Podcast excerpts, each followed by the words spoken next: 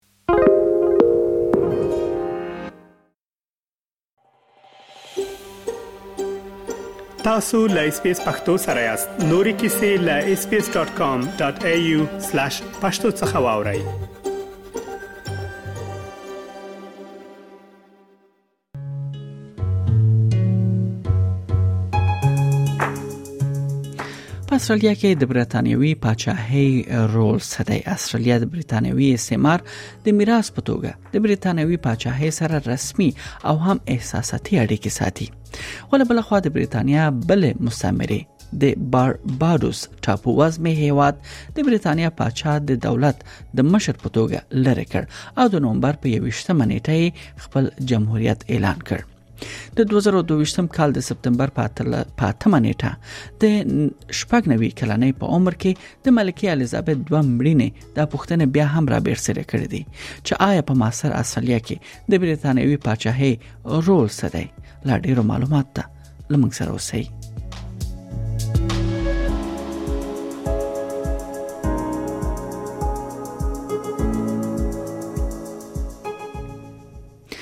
د بریتانیوي پاچاهۍ سره د استرالیا اړیکې د بریتانیوي استعمار یو مهم میراث دی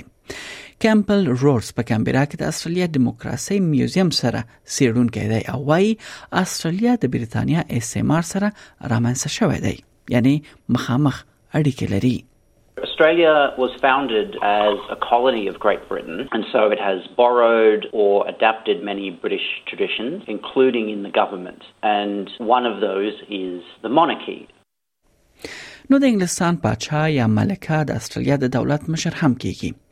الیزابت الګنرز ماری وینس د 1952 کال د فبرवरी په میاشت کې د هغې د واکمنۍ له پیل راهیسې د انګلستان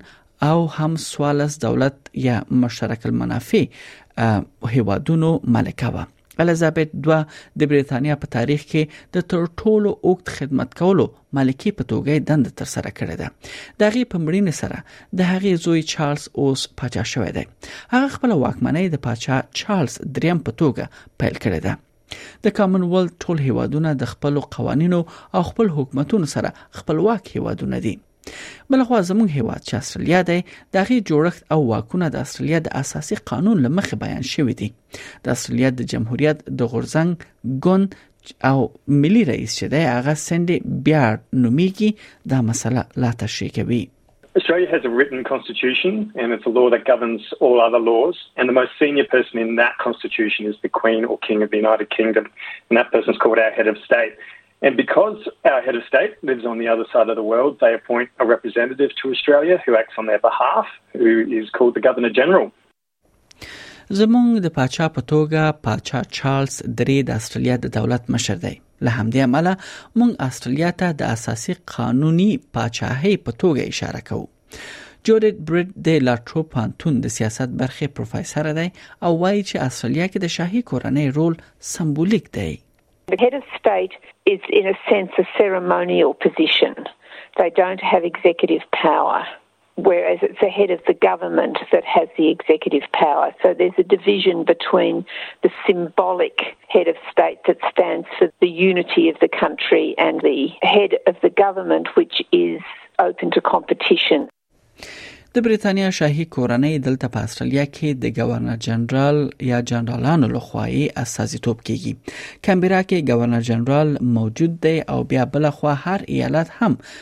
د شاهي کورنۍ یو استازی د سمبولیک مشر په توګه چې هغه د ایالت گورنر جنرال نومیږي هغه یې مخته وړي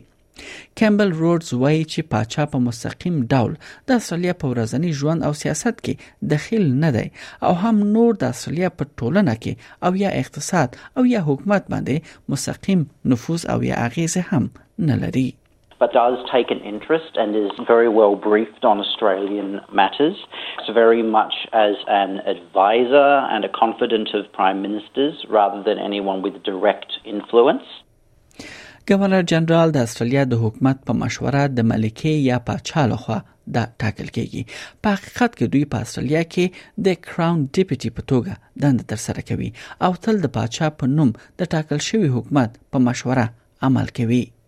Once upon a time, they were appointed by the British government, but over time we have changed that and evolved, so now the Australian government makes the appointment.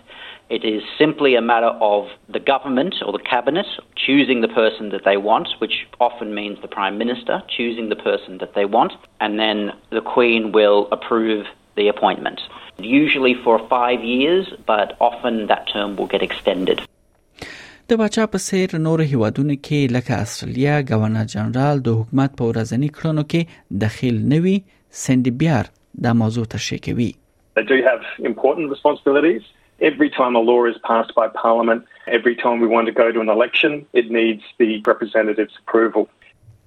په کال 1988 کې د استرالیا قانون د بریتانیا او استرالیا حکومتونو ترمنځ وروستي رسمي اړیکې هم قطع کړې ولې بیا د شاهي کورنۍ شتون پر استرالیا باندې ومنل شو او رسمي ډول سره ویل کېږي چې پاچا یا ملکه د استرالیا هیواد مشري کوي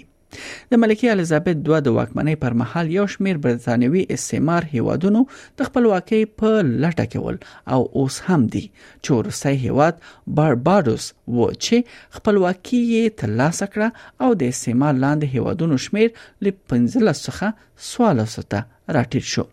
ډیری خلک احساس کوي چې استرالیا د مخه د جمهوریت روحیه پروژه کوي The Australian Republic movement believes that instead of having the King or Queen of the United Kingdom as the head of our country, that we should have an Australian chosen by Australians. And we believe this because it makes sense that all decisions in an independent country like ours are made democratically and that our representatives put Australia's interests first. بلخوا په استرالیا کې د لومړي ځل لپاره د لیبر اوسنۍ حکومت ماټي د جمهوریت لپاره د مرسیال وزیر په توګه وټاکه